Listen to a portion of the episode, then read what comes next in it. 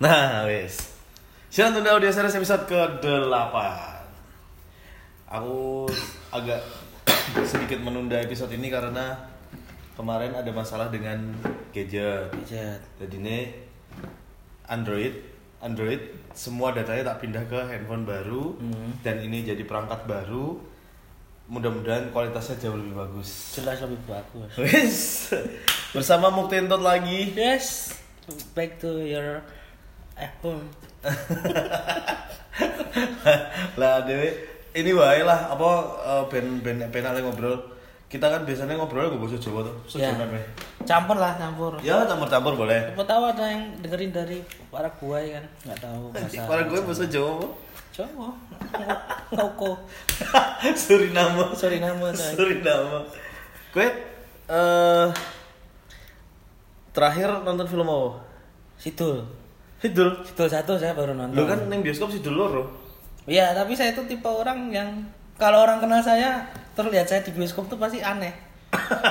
malah aneh malahan pasti ada sebabnya entah itu film teman saya sendiri yang main atau teman saya yang bikin atau apa. bukannya nek film bioskop yang terakhir mbak tonton adalah Ghostwriter Ya karena Beni. karena Beni ya Beni. kita respect to Beni Respect to Beni tapi ternyata filmnya sangar sangar bro, sumpah bro. sangat sangat sangat keren sangat apa nah aku mel- melihat iki si Bene perjuangannya kayak banget loh Bener kan? Sama sebenarnya ketika mau nonton itu ekspektasi saya nggak saya tinggi tinggikan. Maksudnya Bang Beni udah bikin film aja menurut saya itu sudah sesuatu. Entah itu mau bagus apa enggak kan selera masing-masing tuh. Dan ternyata masuk ke selera saya kebetulan pas nonton. Nah nek aku nek aku tetap eh, di dalam filmnya Bene yang Ghostwriter itu melihat perjalanan Hmm. perjalanan menurutku sebenarnya secara secara keseluruhan film itu mungkin banyak film yang sama bagusnya dengan itu Ya. atau mungkin itu di bawahnya lah Ya.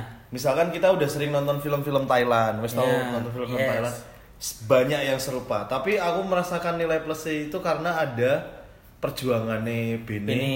Dari apa dia belajar nulis jokes di stand up, Hmm. terus dia kembangkan, terus jadi penulis naskah film, oh warkop ya, Ya, Mas Warkop. warkop Reborn, Susana, Susana. apa kok Susana sih? Susana Ripun juga. Bukan Susana Reborn judulnya coy. Su- Susana Susini. Betul. Oh, tapi beberapa kali Beni juga jadi komedi konsultan. Komedi konsultan, komedi konsultan. Apa ya? Ya bantu-bantu awareness lah dalam filmnya tuh pasti. Ya, eh, jadi tapi dia tetap fokus neng tracknya loh kan. Jadi Iya. dia iki ora. Iya. dia. Dia iki fokus neng nulis. Jadi karena emang dia iki seneng nulis. Hmm. Aku aku ora ngerti mungkin kecintaan nulisnya itu muncul ketika dia gabung di stand up atau. Jelas, jelas. Tapi passionnya kerasa banget neng ngono. Ketika stand up pun saya merasakan Beni itu perbedaannya dengan komik Batak yang lain. Hah. Komik Batak yang lain tuh lebih ke funny man. Emang mereka tuh Ya, orang Batak yang orang Batak yang lucu. lucu, Boris, Boris, Lolo. Babe, Lolo. Babe itu emang kesehariannya Lucu. lucu seperti kalau Ben itu ya dari tulisannya Dari lucu. tulisan, nah, benar. soalnya dulu sebagai info awal-awal di stand up Indo Jogja si Ben itu juga kaku orangnya kalau dilihat secara Mani Pacquiao, Mani Pacquiao. Mani Pacquiao pakai topi kelitian masih ada foto-fotonya pakai jaket Roma gitu-gitu Mudah-mudahan besok kita bisa hadirkan Beni lah di sini lah. dan ternyata emang orang pintar ternyata dulu tuh dia kuliah UGM tuh emang beasiswa Eh tapi UGM dia jurusannya apa, Min? aduh Ben itu apa ya pokoknya ketika lulus tuh dia mau diambil Pertamina Oh iya, si matematika kalau salah eh gigi ya Gigi, gigi sangat ada. pokoknya Tapi jurusan- pokoknya jurusannya nggak ada hubungannya sama nulis. nggak ada nggak ada Nggak ada hubungannya sama nulis. Tapi di situ perjuangannya kelihatan banget. Terus apa jenenge? Eh, setiap film yang dia garap melalui skripnya itu kerasa naik jokesnya Beni. ya Eh, sama kemarin tuh Ghostwriter tuh menurut saya penyempurnaan dari kemarin-kemarin eh, tipe jokes yang dipakai komik-komik untuk film film ya benar. jadi kemarin tuh lebih smooth banget saya Smooth, ngerasanya iya, kalau kayak- yang kemarin-kemarin tuh ya lucu tapi kita sebagai komik bisa ngerasain kalau wah ini setup ini punchline Ah, ah, nek, nek di Ghostwriter kerasanya dia sudah sebagai insan film. yes benar Ah, itu smooth keren. banget Congratulations buat Benny Dion. Benny Dion. Mantap. Nek Sidul, ngapa kowe lagi nonton Sidul? Sing pertama. itu karena saya tuh ke bioskop tuh kemungkinan ke bioskop tuh cuma dua yang satu sama cewek yang satu filmnya film temen udah itu kalau sendiri saya nggak mungkin Tinder. saya mending nunggu ada di di Parah. warnet Berarti komik Etra nonton. Eh nonton ya Mina deh bareng-bareng. komik it enggak itu saya enggak saya enggak eh, enggak enggak nonton Ra nonton sih bareng-bareng. enggak 2012 eh 13 apa ya? enggak orang saya itu sampai sekarang nomor kursi bioskop tuh nggak apa kok Berarti wes jelas nih aplikasimu nggak ada ini ya. Apa Tix ID nggak ada ya. nggak ada tapi sempat download itu aja buat jaga-jaga kalau mau nonton sama cewek tuh jadi nggak malu-malu banget tahu oh, ini loh yang lagi Oh, ini. keluar ini seenggaknya bisa ngimbangin obrolan Menurutmu ap- apa sih kurang sama Sidul pertama? karena saya masih terbawa itu kan saya kan ya masa-masa kecil saya itu tumbuh bersama film Sidul Oh, podo. tumbuh bersama film Sidul jadi G90s ya. Bagusnya film Sidul itu kita nggak cuma melihat peristiwa yang direkam secara film tapi kita juga kayak masuk ke Ya. filmnya itu Heeh, benar-benar. Apa ya? Jadi jadi saksi perjalanan tum, per, apa pertumbuhan dewasa lah. Yes benar karena set-setnya rumah situ tuh ya mirip set-setnya kampung saya, rumah si saya itu ya gitu-gitu. Ya, benar. Bahkan paling waktu saking masuknya ke film Sidul itu istilahnya saya sampai menjuluki diri saya itu tim Sarah waktu itu. tim Sarah. Saya tuh sampai benci banget sama sosok Zainab di film aku itu. aku tim Zainab sih. Nah, kan ada yang tim Zainab, ada tim Sarah. Kalau Hmm. saya lebih ke Sarah karena jadi kesannya kalau di situ Zainab ngapain aja tuh kayak ngisro hubungannya Sidul gitu loh. Iya sih. Tiap mau deket nih, pasti Tapi Zainab tapi aku apa. tahu eh, aku pernah dengar pendapatmu tentang tim Sarah dan tim Zainab. Eh, setelah dengar pendapatmu tentang kue tim Zainab, eh apa tim Sarah, Hmm. aku ya berpikir ulang ternyata emang bener enakan Sidul itu sama Sarah. Sarah. Karena apa? Karena Sarah tuh tantangannya buat buat Sidul tuh tantangannya banyak. Banyak. Kalau ke Zainab itu tantangannya cuman meng- menghadapi ibu ya toh. iya, cara ini pek tonggo. Ah, apa Enggo? Pak Enggak, Enggo. tapi tapi diceritakan statusnya Sidul sama Zainab itu saudara. Saudara tapi jauh tuh. So- sepupu coy. Oh, sepupu apa? Sepupu coy. Oh. Jadi eh, nggak tahu si- siapa yang kakak adean itu ketoke ibu eh Si Sidul Maknya, maknya Maknya, ya. sama bapaknya Zainab itu Ya. saudara atau Ya. kakak adik aku nggak tahu. Tapi yang jelas Sidul Oh, itu saudara sepupunya si Sarah, sepupu du eh si Zainab, Iya, sepupu dua tapi kali. menurutku mereka bisa nikah karena kalau masih inget Zainab tuh anak pungut. Anak adopsi. Adopsi, bukan asli kan. Heeh, Mungkin faktor adopsi. itu yang Faktor bisa itu benar. bikin itu kan. dan dan Zainab yo nek secara secara apa jenenge appearance dia itu cocok sama Sidul karena sama-sama sederhana. Mm-mm. Nek sama Sarah tuh kayak timpang banget secara kasta ekonomi. Ya, ah, itu saya kan ngerasain miskin-miskinnya situ karena saking mendalami. Ketika jumpa Sarah yang kaya dan baik, saya seneng karena wah ini taraf hidupnya Sidul tuh bakalan Akan ba- membaik. membaik kok orang Sidul bisa beli mobil tuh saya ikut seneng. oh iya Iya kan. kan, dapat mobil kantor, Suzuki Katana. katana. Katana, oh, benar. Itu saya seneng banget. Wah, akhirnya Sidul nggak naik motor lagi gitu-gitu. Oh iya iya. Tapi masalah yang Sidul the movie satu apa menurutmu? Pertama kebanyakan backsoundnya itu loh. Loh tapi kan serialnya Sidul ya nggak nggak pernah ada dialog tanpa backsound. Tapi yang di di TV itu backsoundnya menurut Pas. saya lebih bagus lebih pas. Oh lebih pas ya. Yang ini tuh terlalu mendramatisir. Oh iya. Musik-musik Hmm. minor. Musik modern. Modern. Mungkin nyesuaiin juga dengan setnya yang Belanda tau. Heeh. Tapi too much menurut saya. Too much. Too much. Ada kalanya mbok ya pas si si Mandrang lucu dikasih backsound Dikasih backsound di film di TV itu loh. Oh, oh ya, jadi backsoundnya berarti Purwacaraka dibawa lagi gitu ya? Ya, seharusnya. Oh, iya. Kalau mau reuni jangan tanggung-tanggung. Semua kru. Semua kru, Bro. Bener-bener. Tapi itu Karena- itu yang garap film ya orang-orangnya Rano Karnos. Karnos. Karnos film. Iya? Karnos film itu ya orang-orang lama. Iya. Orang-orang lama yang kangen syuting lagi, mungkin mereka sudah ikut PH mana dan lain Nah. sebagainya dikumpulin lagi Iya. untuk proyeknya si Dul the Movie. Karena waktu di waktu di tayangan yang di TV itu tiap mandrang lucu tuh backsoundnya khas backsound backsound tang cidor Ah iya. backsound backsound Backsound suara Betawi. Betawi coy Dan itu eh, buat info wae ya nek kowe ora ngerti. Hmm. Itu Purwacaraka pas eh, ngisi backsoundnya Hmm. dia sendiri. Hmm. hanya menggunakan originnya itu yang yang iya. maha modern di kala itu Iya. itu dia menggunakan hanya satu dengan hanya dengan satu origin punya banyak sound effect Hmm. Terus dia mainkan misalnya adegan bersama Mas Karyo nanti Hmm. dikasih warna Jawa Ya, ngerti ngerti. adegan bersama Ahong dikasih warna Cina. Tionghoa Cina, Cina. Eh, sama Sarah nanti musik-musik yang fusion jazz modern Yes, musik oh, anu. jadi Purwacaraka menurutku di kala itu dengan dengan serial Sidul adalah musisi paling jenius. iya lah. Nah, itu kayak bumbunya kurang kemarin tuh.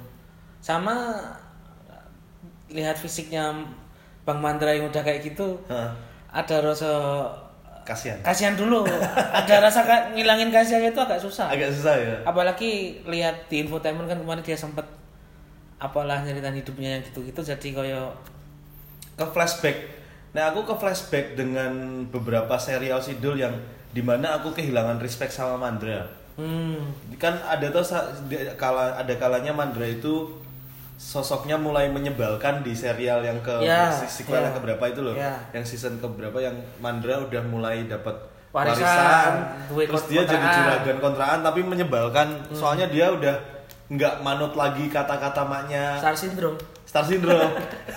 OKB jadi OKB. OKB. gitu kan kalau dulu kan Mandra tuh sosok yang humble, lugu, yes cuman gembretek. Apa ya? Gembreteknya apa bahasa geleleng geleleng Eh, ngoceh terus ya loh. Nah, tapi dia tuh humble. Contohnya ada satu episode si Babe Benyamin sakit. Hmm. Itu si Mandra yo kayak iba. Iba. Walaupun si Babe ini setiap harinya marahin Mandra tapi Ya. Bang masih sakit bang, terus dipijeti, digawani manggis, walaupun punchline-nya manggisnya tuh diambil lagi. Mm-mm. Lucu banget nih.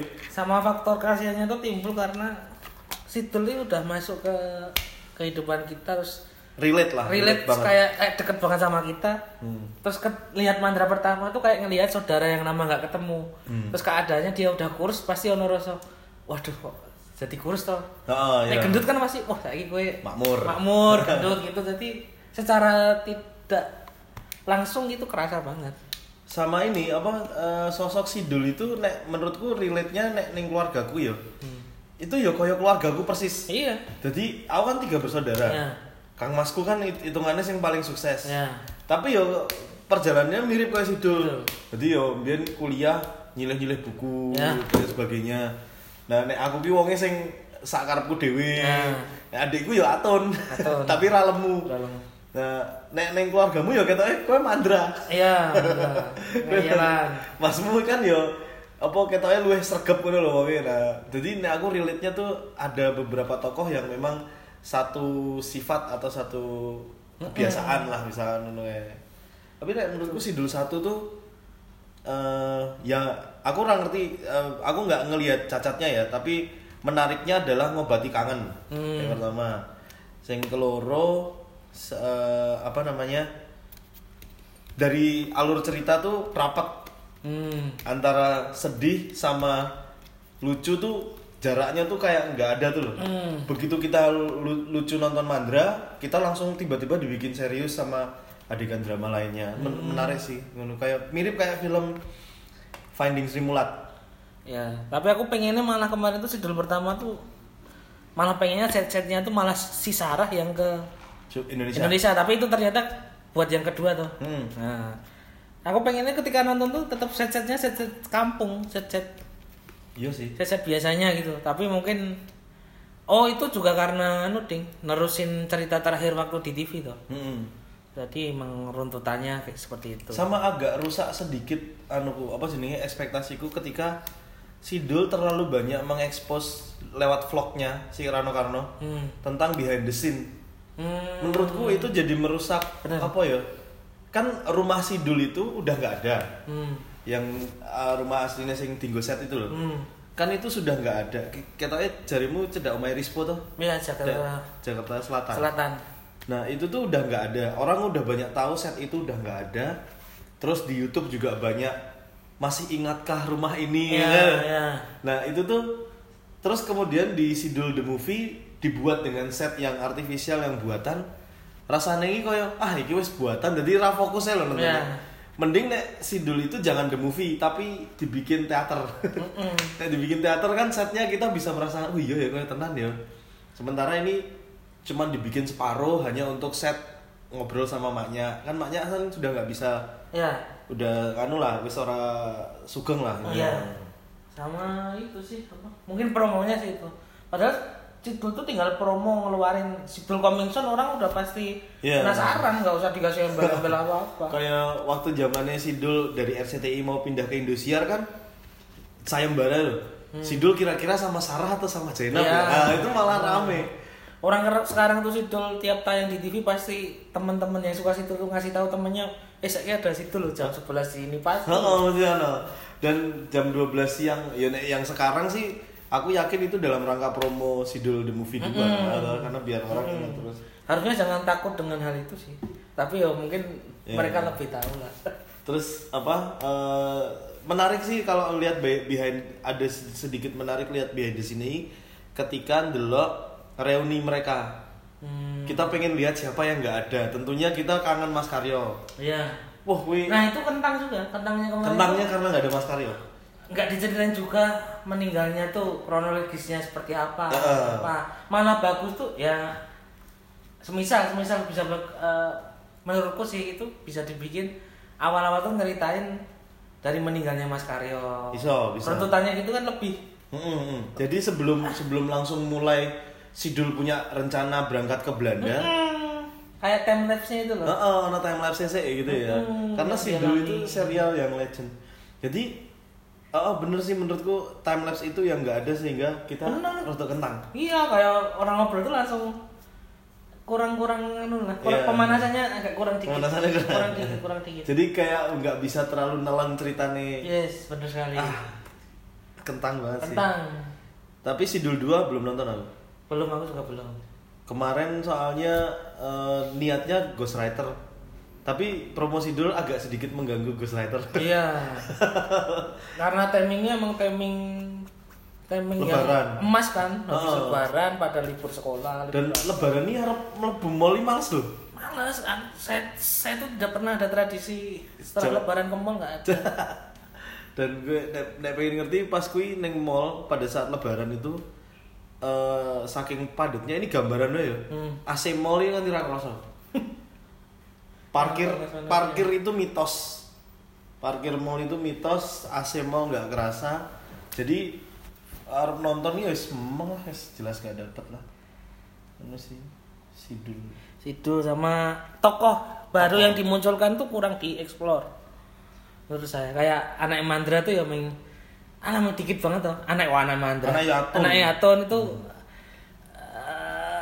agak kurang agak dibanyakin dikit menurut saya oke sih Iya, Itu padahal dialognya berhasil banget sih. Mm-mm. Itu lucu banget.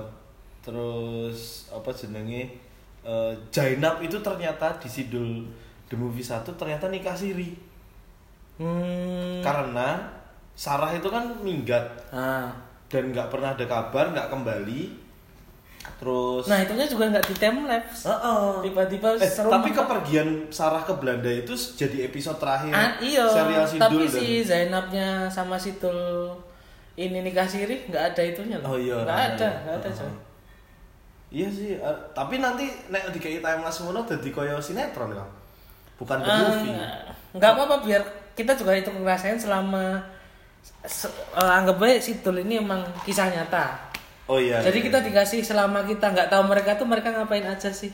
Itunya loh. Bener ya. Biar lebih ngerasain.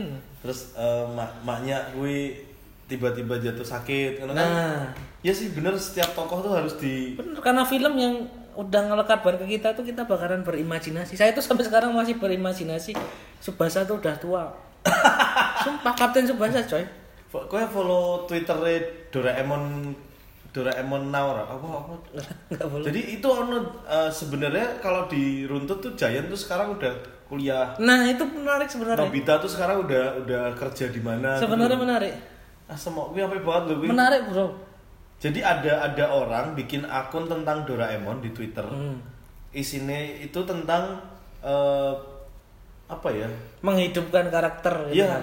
Doraemonpedia lah intinya. Mm-mm. Jadi sosok profil itu diceritakan satu-satu bapak Eh, eh eh. bapak Doraemon itu ya kalau bercandaan yang sering kita lihat kan bapaknya Doraemon dijajarkan sama SBY. Ya, ya. Tapi itu diceritakan bapaknya Giant Doraemon itu. Ah, Giant itu eh, ulang tahun yang keberapa terus semuanya panik karena pasti di situ Giant nyanyi. Hmm. Terus Nobita itu sekarang harusnya udah udah mau ngelamar Shizuka tapi Shizuka. ternyata rivalnya Dekisugi masih Masih ganggu, ngejar, masih nah. ganggu. Nah, yang ngono lho, jadi ada walaupun nggak karena Doraemon the movie itu nggak ada yang klimaks nih menurutku. Tapi itu justru kalau itu aku mau na- mau nangis itu. Oh iya. Mau nangis. Sing Doraemon. Oh, sing 3D 3D. Stand by ya? me. Stand by me. Hmm, Bagus menurut saya itu. Ya, ya bagus, bagus. Karena eh, saya apa ya? Kita tuh sebenarnya juga penasaran karakter yang kita suka itu evolusinya seperti apa sih? Iya, benar. Itu. Kayak nonton Digimon tuh dimanjakan banget ketika kita Oh nonton iya, bajigur Digimon. nonton si Agumon berubah jadi Wargreymon, Wargreymon jadi siapa? Con- eh, contoh yang bagus lagi itu Dragon Ball. Dragon Ball ya. Dragon Ball menarik Kan coy. dari awal nonton Dragon Ball itu kan Son Goku, eh ya Son Goku, Son masih Goku kecil. masih kecil. Terus ada versi Son Goku dewasa. Dewasa punya anak Gohan sama Gohan. Goten. Heeh. Terus Vegeta juga kecil terus gede. Gede nikah sama si Burma. Burma, Burma itu sing nek bersin dadi ngamuk kan. Mm-mm, yang dulu diberi Bek Yamcha tapi nggak mau. kan dideketi Yamcha. Oh, itu ya bisa tapi ragu. Mm-mm. Terus apa eh, tapi ada versi the movie-nya yang film Cina itu. Jeblak banget itu. Banget ya? Bukan Cina kan Thailand. Oh, Thailand. Thailand rupanya kayak Pattaya ngono. Oh, Oh, iya. masuk itu. Jin kura-kuranya juga nggak botak tuh. Enggak buta. Eh, botak kan? Hah? Botak. Yang agak mirip tuh Burmanya. Oh, oh, iya. Son Goku ini hitam coy kayak wong batok. Terus kan kita berekspektasi rambutnya Son Goku tetap jabrik gitu tuh. Ah, Ternyata nek dibikin jabrik aneh ya. aneh, aneh. Walaupun kita lihat Son Goku di cosplay, ternyata yo elek sih nek. Makanya animasi tetaplah animasi. Animasi tetap harus animasi yang berhasil Doraemon. Doraemon. Shinchan tuh juga nggak tahu Iya. kelanjutannya seperti apa. Naruto pun ada terusannya tuh. Ada, ada Indonesia. Jadi emang harusnya film-film jadul tuh harus dikasih apa time lapse evolusinya per tokoh ya. Mm-mm, jangan terus di-cut kasihan kita mikirnya juga. Gantung Iya, nonton film gantung tuh nggak enak. Dan oh aku pas nonton Sidul Sidul the movie pertama yang bioskop kuwi ndelokke cah nom. Hmm. Jadi sing mungkin menurutku mereka generasi milenial sing mungkin di mereka tuh cuman lahir tok di 90-an, tapi nggak nggak nggak relate dengan cerita Sidul. Yo, aku yakin mereka yo bingung. Makanya Eh Sidul, oh ini Sidul yang sering ditonton bapakku. Sidul yang sering ditonton sama ibuku, tapi begitu mereka nyoba nonton mereka bingung tuh. Yang ketawa pas dengan jokesnya Mandra itu ya bapak-bapak. hmm. Ya sing seumuran anak dewi ngono. Hmm. Dadi iki sing nonton lah. Kowe dong po.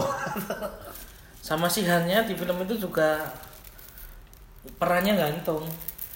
Hans itu saudaranya Sarah itu ya. Hmm, Cuma cuma diceritain dia punya istri cerai hidup sendiri terus Hidup sendiri oh. cuma ngundang situ bro Hid- Hidupnya western banget iya kan sebenarnya. kita pengen lebih dari itu pengen selama selama puluhan tahun di situ tuh masuk nih ngono sih Oh. padahal kaya raya banget loh waktu di Indonesia dan dan urip ning luar negeri iki gaweane opo ngono ya. makanya Tapi ada satu satu yang masih ditempelkan di sosok Sarah itu dia pecinta eh, budaya etnis. ya benar Eh, makanya kan di situ di pertemuannya Sidul sama Sarah kan di museum toh. Mm, sama sifat egoisnya Sarah tuh belum hilang Belum hilang. sifat se- se- sebenarnya gelem tapi ngereh nih bahasa Jawa nih kaya kaya gimana kaya eh, aku pengen iki terus tapi nek ra gelem yo ra apa-apa sih. Tapi ra apa-apa sih iki peksa ngono Iya, lho. retoris. retoris. Itu aja tuh masih dapat banget caranya Ya menurutku lu membingungkan Sidul saat dari dulu sampai sekarang.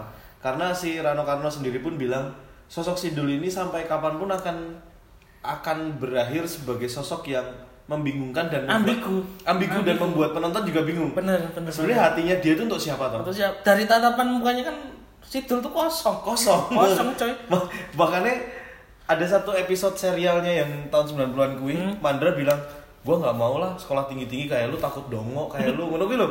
Kuwi bener banget bener orang sekolah tinggi dongo. Tapi ada kan waktu film yang dulu itu satu adegan yang ekspresinya Sidul dapat banget. Pas sebelum peristiwa Babe meninggal kecelakaan. Heeh. Itu kan mereka liburan di pantai. Oh iya. Nah iya. di pantai itu si Sidul tuh mesra-mesraan sama Sarah. Heeh. Yang ngasih buku ngasih apa. Di situ senyumnya Sidul tuh menyem- mencerminkan eh. jatuh cinta. Di situ dapat banget.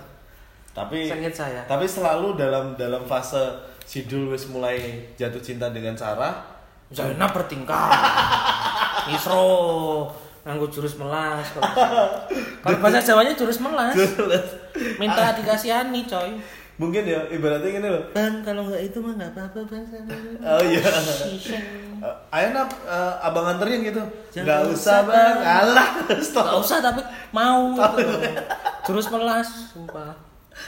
Sebel saya. Saya tuh pengen situ tuh udah sama Sarah biar kaya udah. Lupakan Zainab. Lupakan Zainab. Zainab tuh gadis kampung cantik. Yo jodohnya pasti juragan-juragan kayak Ahong. Emang Uh-uh. itu the real life bro. Dulu waktu di yang episode-episode awal itu dia dijodohinnya sama Jaja Miharja. Yang juragan angkot. Wah goblok banget. Orang tuh jur- jur- bukan juragan angkot. Sopir.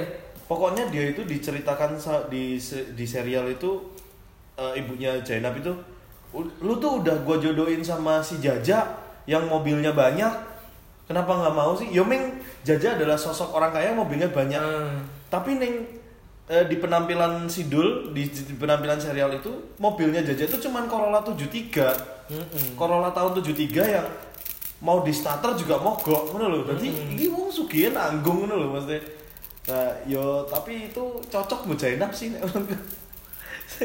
Zainab tuh ciri-ciri istri kedua lah maksudnya kalau juragan-juragan gue nek Sarah kan nggak mungkin. Si nganu meneh sapa jenenge eh, di serial yang apa the, the movie yang kedua itu ada kemunculan tokoh-tokoh baru. Jadi si siapa namanya? Mulai ada sentuhan-sentuhan modern kayak ono ojek online Hmm, pesen Grab itu tuh. pesen grab barang gitu loh itu menurutku iya ya Set rumahnya juga terlalu simpel. Terlalu- Terlalu simpel. terlalu simpel dan kelihatan setting eh, nggak natural. Yo angel lo gawe sesuai kayak sing biyen kayak angel banget. Susah. Ya itu susahnya membangkit apa ya susahnya mempertahankan daripada meraih itu itu. Iya iya. Emang pepatah itu tuh bener. Tapi aku pengen suatu masa eh, suatu masa suatu hari aku iso nyekel opletku sih maksudnya megang tau lho, pengen pengen aku. Soalnya itu sama Sidul kan sama Rano Karno dipelihara. Mm-mm. di rumahnya.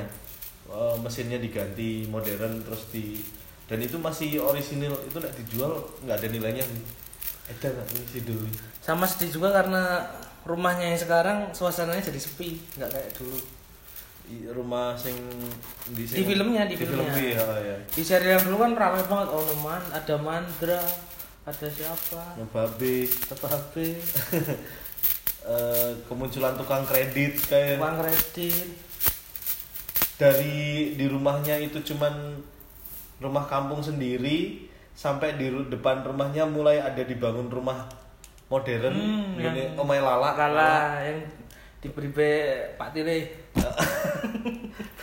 anaknya diberi be Pak Tile bapaknya lala beri be maknya maknya karena wis janda kan Janda. terus em, jalan menuju rumah Sidul udah ada tembok tinggi Mm-mm. real estate Tereste kalau kontrakannya Mas Karyo ya cuma triplek itu. triplek gitu kan. dan itu ternyata rumahnya Mas Karyo itu di dalamnya nggak ada furniture sama sekali Enggak ada cuma tiker tiker koran koran Wong tahu adegannya asem sakit banget aku kira tegel makan sayur asam. Mangan sayur asem yang kuah tok. Asem.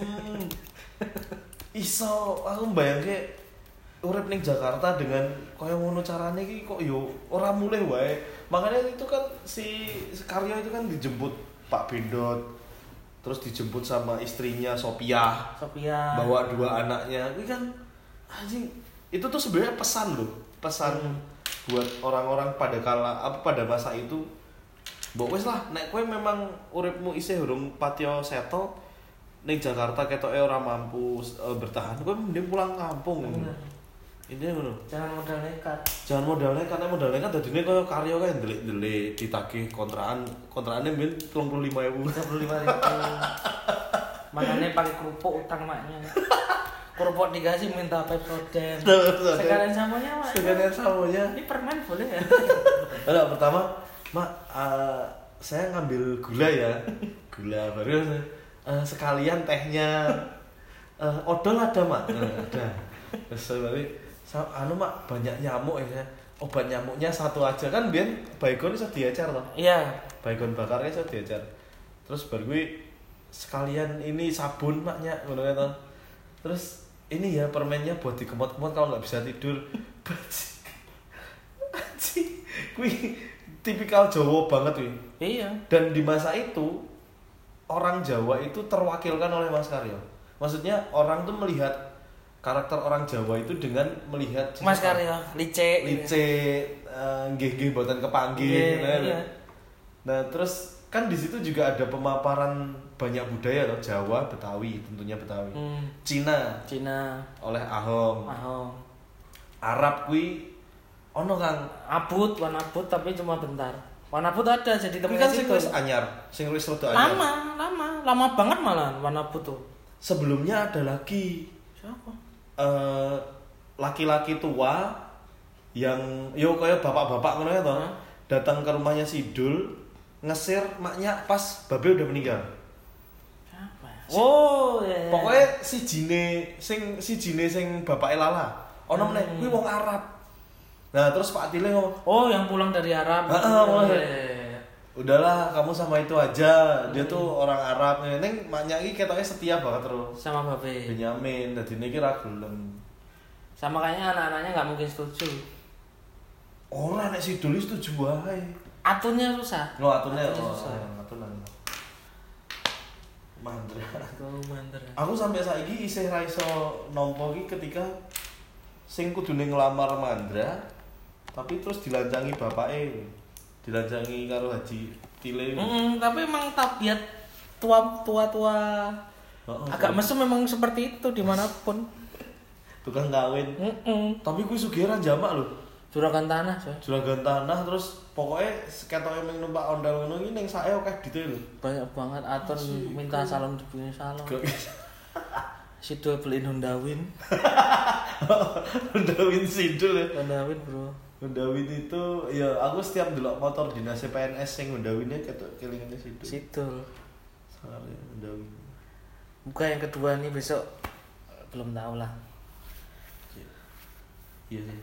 Tapi saya malah nggak suka ya film yang dibikin satu dua gitu kok kesannya satu dua tapi kalau Ya apa eh, bedanya karo Warkop Reborn? ah Warkop Reborn makanya kurang Ora seneng. kurang serap Ya. nggak seperti kurang serap karena menurutku sekalian nih bikin satu yang dua jam Hmm. besok bikin lagi tapi let apa let, let apa ya selangnya setengah tahun atau setahun itu malah nggak apa-apa Tapi nggak ada sambungannya lah, bukan sambungan. bukan sambungan Ya kayak filosofi kopi loh. yes gitu Filosofi kopi itu kan nggak bukan sambungan dari filosofi. Ya, dari satu. warkop dibikin satu dua terus komik eh dibikin part satu part dua tuh aneh coy kalau nonton video Iya. nih komputer iya kan ono folder cici folder loro rasanya kok ngono sih Nah, tapi komik 8 itu ono sih ono time lapse sih kan. iya tapi ganjil banget dibikin part satu part dua tuh Nah, YouTube ramu. soalnya takutnya yang kedua tuh nggak sesuai ekspektasi kita yang pertama kan malah jadi Jadi perbandingan tuh antara satu dua kenapa nggak dibikin satu aja kadang satu aja penutupnya kayak ra klimaks. makanya meneh iki nunggu penutup harus nunggu sequel kedua. makanya satu dua tuh malah susah coy Iya mending satu ditutup leher. Layar mau bener Nah, nanti mau mulai yang kedua ya nggak apa-apa, tapi endingnya beda, nah Ya Johnny. itu kayak kita dalam suatu acara stand up lah semua acara gathering Hmm. Eh, komiknya dua Hmm. coba dibikin komik pertama nampil di jam 7 Nah, terus jam 8 nih ada band-bandan jam 9 komik lagi udah nggak enak udah nggak enak. nggak Eh, enak bener-bener. sekalian terakhir-terakhir apa pas awal-awal itu Iya, rasanya kayak seperti Era durasinya dawa kayak sekalian ya. yes Telung jam. Nyatanya film telung jam sing sukses ya oke kok. Makanya, kalau seakan-akan ketika kamu bikin part 1, part 2 itu kamu udah pede dengan yakin penonton bakalan nunggu part 2 mu gitu loh. Belum tentu loh, itu malah bebannya berat loh. Oh sih. Karena anu apa jenenge en- ending harapan terhadap ending dan puncak puncak konflik itu tuh tinggi loh. Tinggi coy. Tenar kuwi. Jadi apa meneh nek wong sing se- zaman sekarang tuh kayaknya jarang orang tuh nonton film tanpa pengetahuan. Yes, benar. Saiki ora ono wong nonton film meng bener-bener nonton karena sekarang ada sosial media, akun-akun seperti Cenayang Film, Yes. review-review di internet juga udah banyak. Celebrity juga cuap-cuap banget kalau Ah, tentang film kan. Sekarang tuh orang datang ke bioskop nonton film tuh seperti udah punya bekal wawasan. Bener sekali. Nah dulu kan kita nonton karena memang pengen nonton Batman misalkan. Nah, Wah nonton Batman. Ya nggak punya bekal apa apa selain hanya ingin terhibur dengan filmnya. bener. Tapi begitu masuk 2000-an Arab nonton Dark Knight. Wah sem aku katanya Dark Knight ki aneh deh ceritanya ini, ini, ini. Ternyata oh tolong jam nonton yang gini kan. Hmm. Dan itu nggak mendapatkan apa-apa terutama mulai dari uh, awal, tengah sampai akhir tuh aku ki sakjane golek apa ya ning film iki ya lho. Nah, sekarang tuh orang sudah seperti itu untuk semua film jadi tantangan buat insan perfilman nih makin tinggi. Semakin tinggi, Makin makin tinggi. Terus juga sekarang media media buat PH buat nayangin film udah enak nggak kayak dulu tuh. Oh, Dan sing sing enak iki malah justru dengan tantangan insan perfilman yang makin tinggi sing enak iki yo penulis-penulis film kayak Radit, Beni, Iya, jadi ceritanya simpel buat satu jalan cerita fiksi seperti eh, ada sebuah keluarga datang ke rumah ya wes sederhana loh kan Radit kan nek nggawe kerangka cerita ya ming sederhana nah, nah sakit tidurnya saya tidur. Jujur saya, saya film Radit terakhir yang saya nikmati itu Koala Kumal. oh gue Rana Koala Kumal terus single eh, agak masih Single. bisa diterima lah, bisa dimaafkan. Tapi kalau udah yang target sama sebelumnya target apa? anu apa jenisnya Yang di tengah pulau itu loh. Eh, hangout Hangout itu dah. Hangout. Eh, maaf maaf saya mending nonton Pokemon ya. ya nek aku ngeliat hangout itu cuman karena apa eh, eskalasi dari Raditya Dika seneng main werewolf iya tapi kadang nggak semua ide seperti itu bisa kamu tuangkan di karyamu. iya sih Harus disaring-saring. Tolong Radit kalau mendengarkan tolong disaring ya. Soalnya itu mau buzzer coy. Rodok sembarangan lah Iya, gawe ya. aktor aktris yang kamu mainkan tuh mahal-mahal loh. Matias Mucus Matias Mucus. Surya Saputra Gading Martin, Gading Martin. Dindakannya Dewi. Tindakannya Dewi Kurang kalau se- sebagai kualitas dibaratkan sebuah tim bola tuh udah Los Galacticos itu. Los Galacticos dan cuma sparring Sparring tapi pelatihnya Benny Dolo. ya nggak imbang. Harusnya ketika komposisinya seperti itu pelatih ya Zidane, Zidane. Carlo Ancelotti, pelatihnya Benny Dolo. Betul. Bendo bro, bendo. Malah- tapi tapi aku nek film-filmnya Radit tuh cukup menikmati sih. Karena fresh. Fresh. Freshnya tuh pasti dapat. Ngepop banget terus apa ya? Ya bukan berarti aku duwe jiwa sista-sista pokimcil. Hmm. Tapi memang secara penulisan Radit ki memang hebat sih. Hmm. Menurutku nek gawe cerita-cerita pop ki memang dia jago sih. Target tapi dan ya walaupun pada akhirnya ketika ada cacat itu sebenarnya bukan salah penulisannya Radit tapi menurutku ya menurutku Hmm.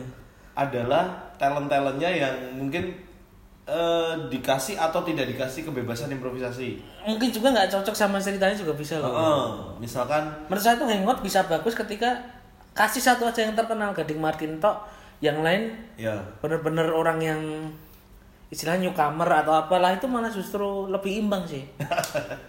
iya iya benar benar berarti Mubazir cowok kayak kamu tuh makan sesuatu yang enak-enak tapi kamu tumpuk dalam satu piring ya jadinya belenek.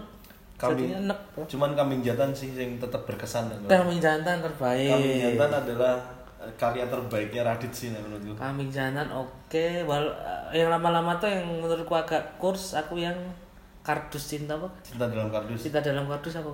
Ah, Itu. cinta dalam kardus Salmon oke. Cin- cinta dalam kardus aku nggak ngerti ya Radit Marmut merah jambu menurut saya juga the best itu. Bagus. The best bro. Marmut Merah Jambu itu Udah gitu perjalanan- pemilihan pemilihan pemainnya malah yang nggak terkenal tapi cantik dan bikin kita penasaran loh. dan aktingnya ya sempurna Sempurna bro. sempurna terus apa itu Eh, cinta dalam kardus semua ya Hmm. aku nggak ngerti kui Radit ngerti apa ora atau mungkin nggak tahu ya cuman aku menemukan sedikit kesamaan dengan serialnya Louis C.K. Hmm. Jadi kan kalau di ceritanya Louis C.K. itu yang yang Louis ya, bukan yang Lucky Louis. Jadi Hmm. ada yang Lucky Louis itu 2006, Louis itu yang 2015. Hmm. Itu ceritanya si perjala- cerita tentang si Louis C.K. Hmm. Dia stand up open mic di cafe terus nanti materi open mic-nya itu baru diilustrasikan ke drama Hmm. gitu loh Ya, ya, ya. nah Radit kan yo neng cinta dalam Ya. Bagus agak sedikit Ya. itu kan eh, kurasi dari mockumentary anu apa apa jenenge Mik malam minggu Miko Yes. jadi dia- dia ada ada sesi dia ngomong sendiri bla bla bla bla bla. Ilustrasi. kemudian ilustrasi ya ngono kuwi lho ya kuwi pengamatanku se- secara bodor wae sih Hmm, Ini kita ngomongin secara kita penonton penonton awam awam coy. aku kita ngerti film belas kita nggak ada basic sama sekali tahu film. pengetahuan Nggak kita film itu ya cuman karena kita sering nonton film baik Mm-mm. tapi teori istilah dan lain sebagainya banyak yang kita nggak tahu tahu nah, itu. Jadi yo justru ini penilaian paling jujur. Mm-mm. Tapi ya balik lagi masalah selera. Kalau kamu bilang bagus ya. Ya bagus ya nggak Ya apa-apa. monggo nggak apa-apa. Eh, saya ini film-filmnya eh, manajemennya Ernest Wah, menurut saya masih the best di era ini. masih the best ya. Menurut saya wah bagus lah. Eh, apa be? Ngenes, ngenes ki aku seneng banget nonton ngenes. Aduh, ngantuk aku. Sorry, Bro. Ngenes saya malah tapi maklum nih itu Aku film, seneng. film pertama kan. Film pertama dan menurutku film pertama sebagai film pertama menurutku itu karya terbaiknya Ernest. Ngenes itu. Karena di situ Ernest tuh eh, seperti mendapatkan platform baru untuk menuangkan cerita. Hmm. Kan selama ini ceri- cerita di film Ngenes itu hanya kita bisa nikmati di stand up-nya Ernest toh. Hmm.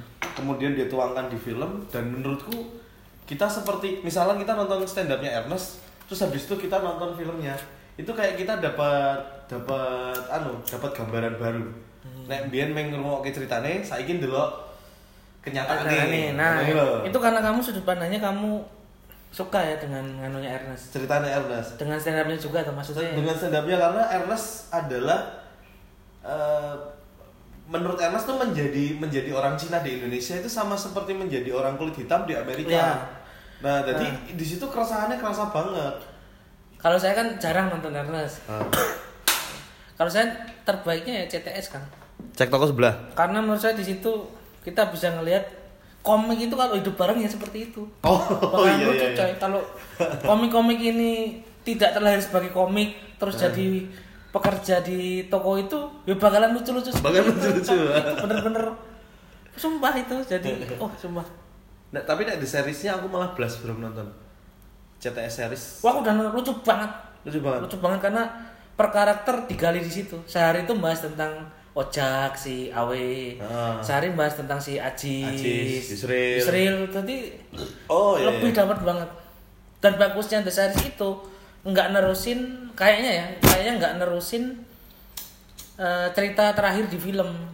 Hmm. Jadi itu malah nyeritain se- eh, pas film itu berlangsung. Ya pada akhirnya nanti akan ke sana. pada akhirnya Pada akhirnya. ya tapi bagusnya kayak film yang kemarin itu dibredel jadi kesehariannya seperti apa toh Nah, gue kelingan anu lah, AADC. AADC sukses 2003. Eh, 2002. hmm. Terus ning RCTI ono sinetron nih AADC. ada apa? Ono. Oh. Cuman gagal sih nek menurutku maksudku kita tidak tidak tidak berhasil untuk mencintai serial itu layaknya kita mencintai film ADC. Hmm. Karena karakternya di- diganti semua. Cinta itu diganti bukan Dian Sastro, tapi cari artis yang mukanya agak-agak dekat dengan Dian Sastro. Sastro. Oh. Carmen dicari yang eh, sosok yang tomboy, terus Mili dan lain sebagainya. Jadi kita nggak nggak nggak relate, eh bukan nggak relate, tidak berhasil untuk mencintai serial itu. Hmm. Karena kan itu kan ceritanya juga masing-masing karakter di bredel di bredel semua sebenarnya. Jujur pas waktu ADC 2002 itu saya nggak terlalu relate banget kan karena umur saya masih terlalu kecil itu. Loh aku nonton AADC, nonton AADC ya jujur lewat downloadan. Mm-mm, dan malah film yang bener-bener relate ke saya itu zaman-zamannya udah Alexandria. Alexandria. Aku nonton ADC SMA, maksudnya secara remaja baru relate dengan cerita ADC ya SMA, bukan SMP. saya waktu itu susah relate karena zaman-zaman saya sekolah itu saya baru mengenal pemberipian PDKT sama cewek-cewek itu SMA akhir saya. Hmm. Sebelumnya tuh saya anaknya pokoknya bola banget gitu. Pokoknya nggak peduli sama lainnya. Iya. ADC ADC itu aku SMP Soalnya yang lain kan no- nonton sama gebetan gitu-gitu. Aku Iya. saya saya nggak ngalamin waktu SMP. karena ADW SMP ya orang nonton yang bioskop kan Tapi ada kan yang udah nonton ada. oh no ya. Ada. kan waktu itu bioskop Mataram masih, Mataram. masih ada Ya. terus eh di tuh? aku sangat ngerti sih Mataram sih Dulu cuma nikmati soundtrack-soundtracknya aja di radio. nah eh, eh, filmnya kita nggak pernah tahu karena nggak ada sosmed Hmm. nah, waktu Alexandria itu pertama kali saya saya men- saya mencoba merelatekan dengan kehidupan saya. Wah, sedih jebule kayak gini ya. Iya. Dan, dan ternyata sebenarnya kualitas film-film eh, apa masa transisi itu 2000 ke bawah. Eh apa? 2010 ke bawah. Kuwi sakjane yo apik-apik. Realita cinta rock and roll Ya, itu bagus banget itu. kuwi apik banget sebenarnya permasalahan remaja itu nggak pernah berubah loh. Cuman ini tuh resolusi film, resolu- resolusi gambar, terus apa penggambaran situasi dan sebagainya yang mulai agak berubah. Benar dan mulai mengenalkan ke kita eh, budaya-budaya anak muda yang ke barat-baratan toh. Iya, heeh, jadi rock, rock and roll, rock kan. and roll, boxeran. Bosenan dulu kan tahu tentang kebarat-baratan cuma sebatas lagu-lagu dari luar toh. Kalau itu benar-benar eh, kita melihat pemu sekelompok eh, sekelompok pemuda, pemuda-pemuda yang sampai ke kehidupannya pun seperti idola-idolanya rockstar toh. Gitu. toh. Ndelok Vino muter lagune Van Halen. Van Halen Terus soundtracknya masuk banget si Ipang. Ipa, nah, Radijani pas tebak-tebakan sama istrinya tuh loh. Hmm. Eh, nama gitaris. Hmm. Nah, gitu. Dev Ma apa? Dev Mustang. Gitu. Nah, gitu, gitu. kita jadi tahu nama-nama itu terus akhirnya pengetahuan musik bertambah. Mm-mm. Terus apa? The Bee Gees. Lebih sih. Aku The Bee Gees dari The Bee Gees itu jadi seneng sama Skid Row. Kan kan aku seneng lagunya Skid Row hanya hanya hanya seneng lagunya ketika sering denger di radio zaman dulu. Hmm. Begitu di film The Bee Gees itu ada dialog gini. Jangan seenaknya lah, jangan sok ini, ini Skid Row aja nggak gitu-gitu amat. Nah, aku dari kalimat itu aku terus searching, oh ternyata Skid Row itu Star Syndrome. Hmm. Makanya dia nggak gede namanya. Jadi, Oh. jadi aku mengeksplor apa jenenge eh, band-band glam rock dan lirik-liriknya tuh gara-gara nonton The Bee Gees. Dan Tora Sudiro secara perawakan jadi rocker sangar Sangat. banget. Pakai Kayak sepatu boot tuh cocok banget. oh, persis karakter ning Gitar Hero ya lho. Hmm. Kalau dari film realita cinta dan rock and roll saya jadi suka kaos-kaos yang vintage. Kan mereka pakai-pakai kaos The Doors. The Doors, terus Rolling Hmm, Stone. saya lihat wah ternyata wah keren coy yang kelas band nih. Iya. Gitu. Terus Wih, gara-gara itu aku yang golek boxer Boxer Rolling boxer Rolling Stone ternyata angel banget terus ono boxer Kermit tak tuku. Gasper coy, aku beli yang tulisan My My Sex. My Sex tuh saya beli di Glitian waktu itu. Ya. Ono meneh film eh, yang membuat kita jadi ngerasa gaul kalau abis nonton itu ya nonton catatan akhir sekolah. Cas, wah itu itu jadi benar-benar diterapkan di dunia nyata kan. Ah, Jadi SMA SMA bikin video bikin video dokumenter. dokumenter. Ah, setiap kali prom night karo pensi toh. Mm Ada ini terus aku senang The Sigit wi pertama wi.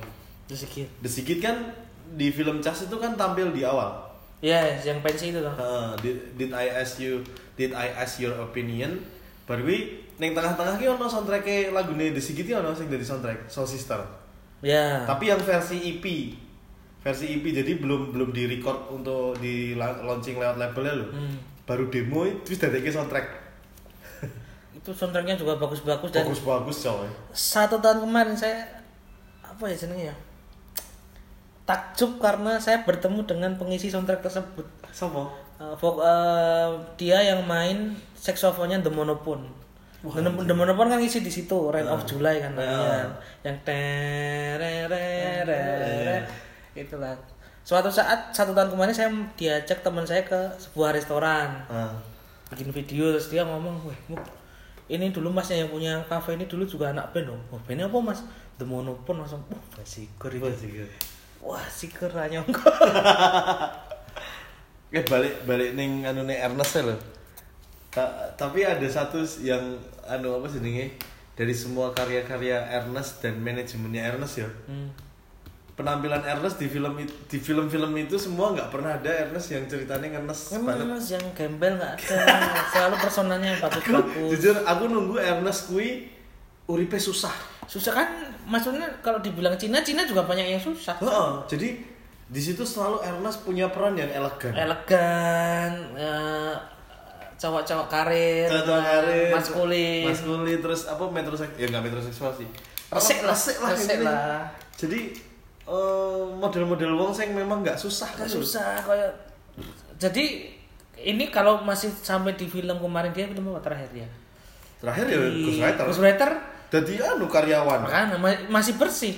Heeh. Kalau saya yakin kalau dibikin kayak gitu terus penonton lama-lama Bosan. bosen karena bisa nebak. Oh. Ernest seperti di sini jadi ini. Nah, terus penampilannya Ernest juga di film lain juga perannya elegan. Elegan. Bal Habibie Ainun sik keluar apa? Rudy Habibie lho. Rudy Habibie jadi temennya Jadi temennya Habibie. yang di Jerman toh. Heeh. Filosofi kopi dia pengusaha. Usaha Terus muncul yang film apa nih ya? Sing apa? Ke- Kejar cinta di Beijing. Sing karo Morgan. Mm-mm, terus yang paling nggak cocok ketika di Steve Pensil. Steve Pencil. Jadi anak SMA coy. Oh iya. Oh. Tolonglah sih, Koenes tuh emang juragan di film itu tapi mbok ya. Heeh, juragan di setiap filmnya dia. Iya. Tapi kalau bisa jangan terus muncul jadi sebagai yang enak terus Enak gitu. terus. Sekali-kali jadi figuran sekali juga nggak apa-apa lewat jadi pengamen atau Heeh, apa. atau jadi oh Lucu iya. coy malah coy sumpah. Apa nek rada Ahong, Ahong itu muncul di The Bee Gees jadi apa nek? Coba. Pengusaha Chinese food Makanya. dan bahasa Cina beneran.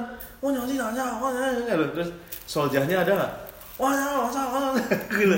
Itu si Ahong gitu dan nah aku pengen Ernest tuh muncul kayak gitu gitu loh. atau ibaratnya di filmnya tuh dia jadi yang pegawainya yang lucu-lucu kayak di CTS tuh dia jadi bagiannya Bang Ajis, Bang Awe. Heeh. Ah, itu bener, malah iya. dibalik justru si Awe atau Ajis jadi juragannya jadi Pokoknya aku penasaran dulu Ernest lusuh lah ngono. makanya Pengen pengen dulu Ernest ki lusuh kayak ngopo sih. makanya terlalu ketebak kalau gitu terus Iya. di milim di apa Milih Mamet, susah sinyal jadi pengacara ya pengacara. Milih Mamet ya. Milih Mamet jadi itu toh pegawai pabrik toh jadi bos juga Oh iya, Ding. Mm-mm. jadi pegawai lama di pabrik Terus eh, diangkat ya. diangkat jadi suruh megang pabrik Ya pokoknya perannya dia aman terus lah. aman terus bener belum bukan peran yang menantang Ternyata, nah justru itu Pan. kayak yang terjadi di Dodit kan Oh ngono. Dodit itu di film mana pun ya jadi Dodit Jadi Dodi. jadi Dodit Mau gembel, mau apa? mau gambar apa ya? Personanya persona Dodit ya aku nggak tahu itu cara Ernest menjual apa membranding dirinya Hmm. untuk eksis di dunia perfilman aku Ya. nggak ngerti. Tapi aku sebagai salah satu penonton dari sekian banyak pecinta film pengen. pengen ngelihat Ernest itu tampil lusuh susah gembel atau apa pun lah. Dan aku yakin kalau Ernest sebagai pelaku kesenian lah pasti juga merasakan iya itu dong. pasti masa kosong. nggak nggak mau sih nyoba acting yang kayak gitu gitu makanya itu kayak komik yang nggak pernah ekot nggak sekali-kali kamu ekot lah. Iya, itu bener. toh. Justru Panji pernah. Panji malah sering jadi yang jelek-jelek. Jadi yang apes sering. Sering. Jadi SBY di film tragedi 98 hmm, doa ini jadi orang aneh. Yang perutnya gendut. Nah, kayak ngono kuwi lho Oh, maksudku. kayak gitu. Yang konyol-konyol lah. Yang konyol-konyol gitu loh. Hmm. terus eh sing pal kowe nonton McMoney gak sih Iya. aku nonton McMoney karena itu sebenarnya apa ya masih dalam euforia aku pas jadi opener tau Hmm. terus kan besoknya dia ada film McMoney yang dari Smart Friend Hmm. saja ini promo Smart Friend sih oh Nah, si Panji gue ceritanya anaknya juragan, anaknya Ah, bos. ah. Terus kepengen gendang usahanya gue diwariskan yang deknen. Hmm. Nah, tapi dilala setelah diwariskan yang deknen, bangkrut usahanya terus dia jatuh miskin. Hmm. Rantu omah, terus ah pokoknya uripnya gembel, ternyata dia punya ibu yang cerai dengan bapaknya, ibunya itu kaya raya lho. Hmm. Tapi Panji ketika dikasih bantuan nggak mau, dia tetap Hmm. pengen berusaha dari nol. Nah, neng kono mbuh mungkin pengen nunjukin kalau si Panji itu orang kreatif atau gimana. Tapi yang jelas aku ndelok Panji lusuh banget. iya. Betul. Tapi Panji malah cocok tuh menurut saya jadi kayak di Rudy Habibie sih. Ya, Eh, peran-peran orang yang intelek, bos perusahaan malah cocok. Di partikel itu kurang masuk. Seorang Panji nongkrong di kaki lima bercanda dengan teman-teman tuh nggak da nggak dapat bro. Panji itu bukan anak street, Bukan anak bukan anak street sumpah. Ya kan latar belakangnya dia juga keluarga yang cukup kaya loh. Makanya ketika, jadi ketika di Partikelir ngobrol sama Bang Awe sama Riken sama siapa di warung tuh Aneh. aneh coy ini tidak mungkin terjadi di dunia nyata minimal tuh Panji nongkrong di Belandungan itu Iya. itu minimal seenggaknya kafe lah Iya benar. kafe walaupun ke Kelatak pun itu karena warung warung tradisional ya hitungannya karena bukan kafe Karena konsepnya Kelata bukan resto. bukan resto Mewah. tempat buat makan toh Makan. Oh iya iya. Coba Panji kamu ajak nongkrong di Kamehame Nah. nggak cocok sumpah nggak cocok dia duduk di tiker itu nggak cocok tidak cocok sama sekali makanya di partiker itu lucu sama Ma- mangan yang pecel lele barangnya lah. sama di film single kan dia jadi teman kuliahnya Radit Temen eh, anak kos. terlalu tua untuk seorang Panji menjadi anak kos terlalu tua Iya iya. terlalu tua Bukan bro. karena kita tahu usianya. Panji ya. Mm, tapi secara Se- fisik lah Secara fisik di film itu maksudnya. iya nggak Itu masuk nggak masuk. nggak Iya, iya. masuk Masih mending babe. mending babe Babe itu ada potongan mahasiswa mahasiswa nggak keurus kan loh. nah, nah mahasiswa sih tua Tua nggak keurus dan banyak yang udah nggak makan. nggak bisa pulang kampung gitu gitu Ya, memang wujudnya seperti babe kalau Panji no man dia jadi PNS jadi apa mana cocok Justru yang eh, ada satu komika yang di semua peran bisa masuk tuh menurutku Aco. wah Aco terbaik bang Aco Muhadekli ini sangat sangat jadi seorang pengusaha dibikin klimis ganteng cocok bisa. Jadi dokter lucu di apa gue? CTS po? Eh kok CTS filmnya apa sih apa? Anu. aduh Nggak, apa ya? Aco tuh di anu apa ya? Di susah sini kalau salah. Untuk Di- jadi dokter, jadi dokter orang Manado. aduh. Ya kan itu cer- ceritanya Ernest tuh ngenes sebenarnya. ngenes pak ya. Kalau di filmnya Radit Koala Kumal dia jadi supir taksi. Ah, ah, itu, tetap pantas. Masuk, masuk, masuk. Terus terus di Bajai Bajuri? Baja Bajuri. Karena dia dengan aksen Betawinya itu menurutku cocok. cocok. Terus ada dia yang film sama ah, enggak selain komik tuh ada juga. Dia jadi orang Batak itu juga masuk. Heeh. Boris juga ah Boris aku malah justru lihat dia di film yang nggak ada circle komikanya. oh itu emang Apa sih yang dia main sama Rudy Habibie main. Rio Dewanto apa ya? A- A- Cinta apa ya? Kalau nggak salah. Pokoknya film gede. Ada yang filmnya tentang Batak. Jadi dia jadi orang kampung di Batak di Sumatera Utara. Dia wah itu cocok banget. iya Tapi jadi peran yang elegan juga pernah tuh dia tuh. wah pernah cocok Filmnya di Soleh?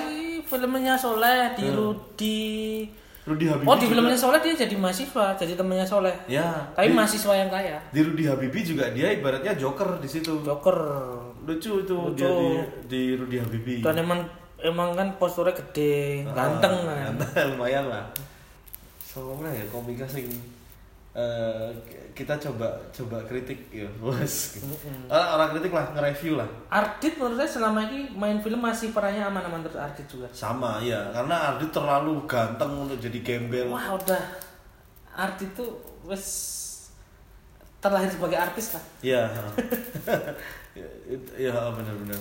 Dia dia itu kalau hidup di tahun 90-an mungkin cover boy. iya nggak usah ikut komunitas stand up dia casting aja Mesti masuk. bakalan masuk. Heeh. sumpah nggak usah lewat stand up Untungnya dia lucu. untungnya dia lucu. Dibikin konyol-konyol juga lucu itu. Ya, Jim Carrey lah ya. Mm-mm, bener Jim Carrey. Jim Carrey.